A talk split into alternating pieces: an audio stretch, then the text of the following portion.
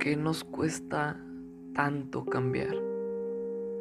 Y es que para alcanzar algo que nunca has tenido, vas a tener que hacer algo que nunca has hecho. Nuestra vida siempre está en constantes cambios todo el tiempo. Tus pensamientos, tus circunstancias, tus emociones, tus miedos, todo eso va evolucionando. Los cambios están ahí y son reales. Lo único que te queda es afrontarlos. El cambio produce incertidumbre. Nos estresamos por cosas que no podemos controlar. Pero es que es imposible no cambiar. Te tienes que concentrar, toda tu energía la tienes que concentrar en lo que sí puedes controlar. Tenemos que aceptar que no podemos tener todo bajo control y que todo tiene un principio y un final. Y esto va a ser clave para que aprendamos a, a disfrutar de los procesos que conlleva el cambiar. es que los cambios son para disfrutarlos, son experiencias nuevas, son sensaciones que tal vez nunca hayas experimentado, son oportunidades para aprender, para crecer en todos los ámbitos de tu vida. Y si para conseguir algo que nunca conseguiste, tienes que hacer algo que nunca hiciste, ¿no crees que cambiar es una oportunidad? Aquí te voy a decir cuáles son las etapas por las que pasamos al momento de que estamos cambiando. Primero está la reafirmación. Desde el momento en que nos damos cuenta de que tenemos que cambiar, empezamos a, negar todo. Te niegas a aceptar que te tienes que mover de, de donde estás situado entender que tienes que salir, salir de tu zona de confort, que tienes que cambiar tu rutina.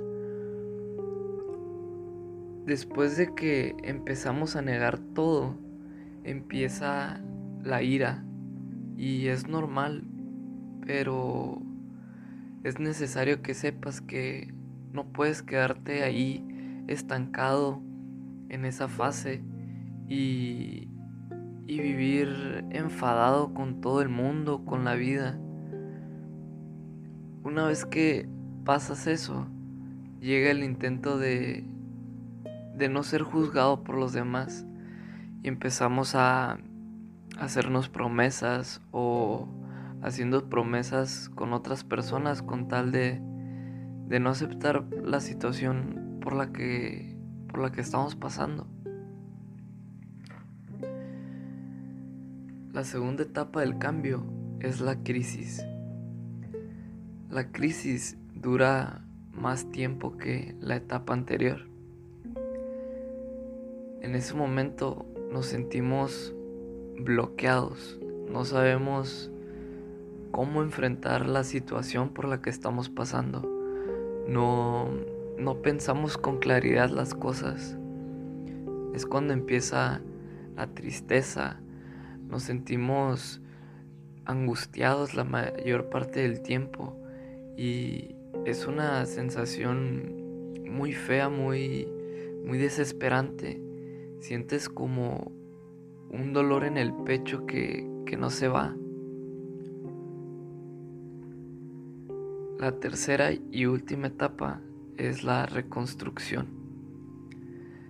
Después de la crisis, que es una etapa muy desgastante mentalmente, empiezan a empiezas a buscar soluciones.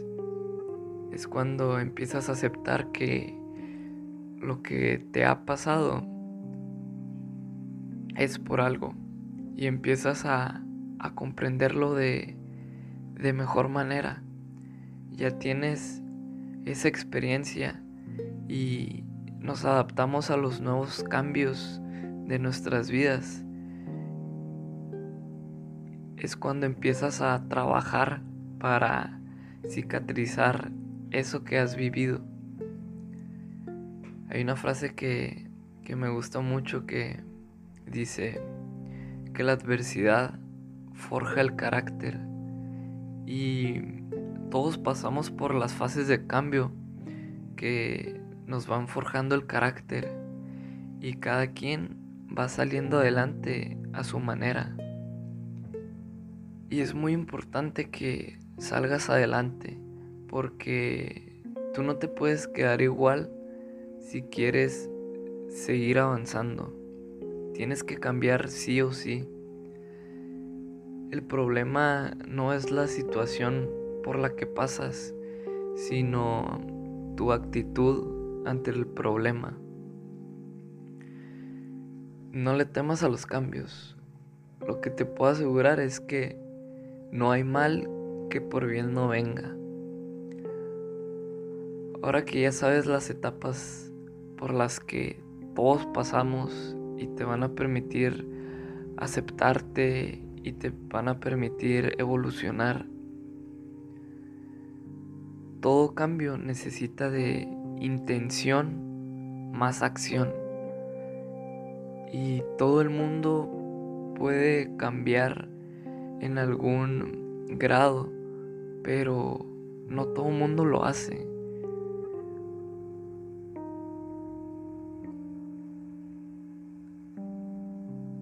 Y es que si tienes en cuenta que para cambiar hace falta ser consciente de que de que sí puedes hacerlo. Y hay una frase que dice Henry Ford, tanto si crees que puedes como si no, estás en lo cierto. Aquí el el peso que tienen tus creencias sobre tus acciones es mayor del que te imaginas.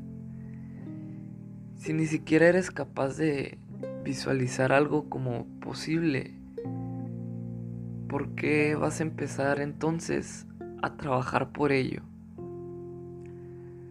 Una vez que sabes que puedes tener cierto control sobre lo que te pasa y que puedes mejorar la versión de ti mismo en cualquier momento. Reflexiona un momento esta pregunta.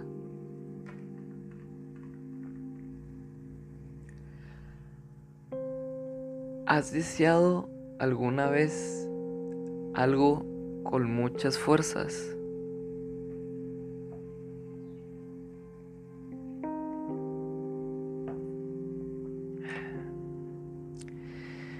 Si respondiste que sí,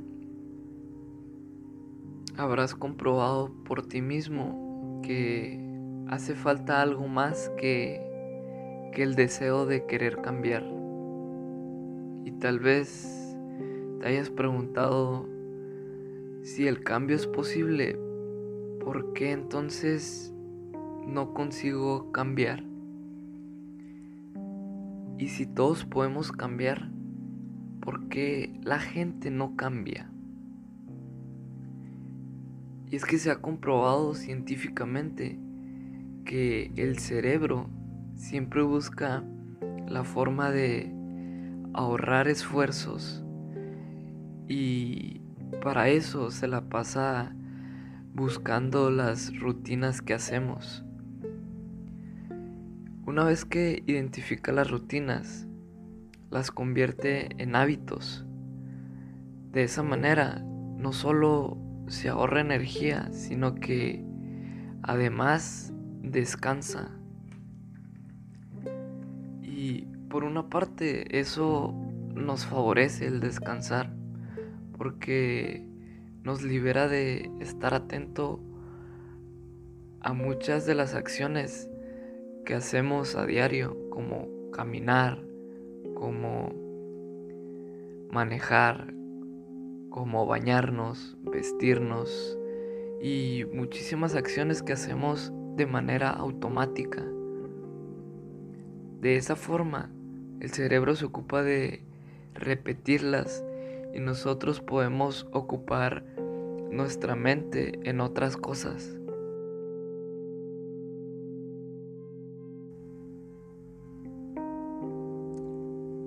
Y el problema se presenta cuando los hábitos que tenemos no son buenos.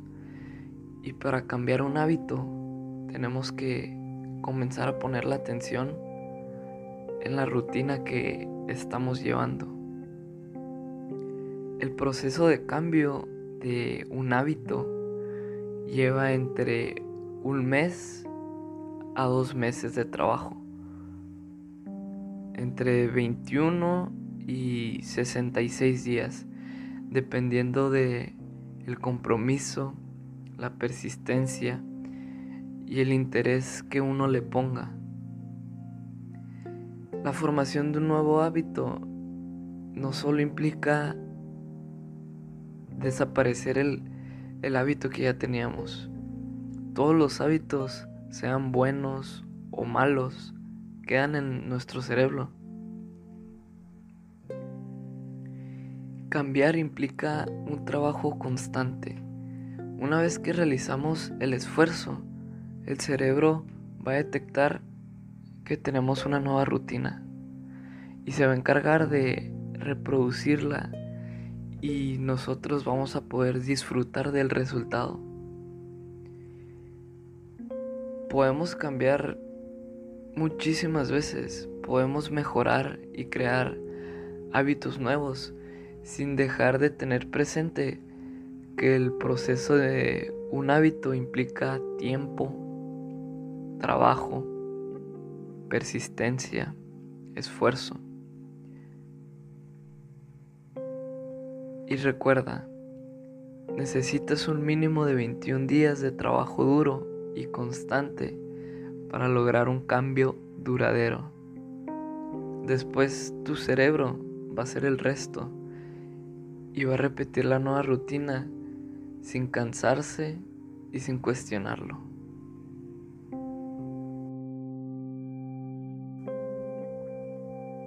Bueno, pues hasta aquí llegó este podcast. Espero te haya gustado y lo compartas con tus amigos. Si aún no me sigues en Instagram, te invito a que lo hagas. Es Eduardo Piso La Fontaine. Por ahí comparto frases y aviso cuando subo un nuevo podcast. Cuídense mucho. Nos escuchamos en el siguiente podcast.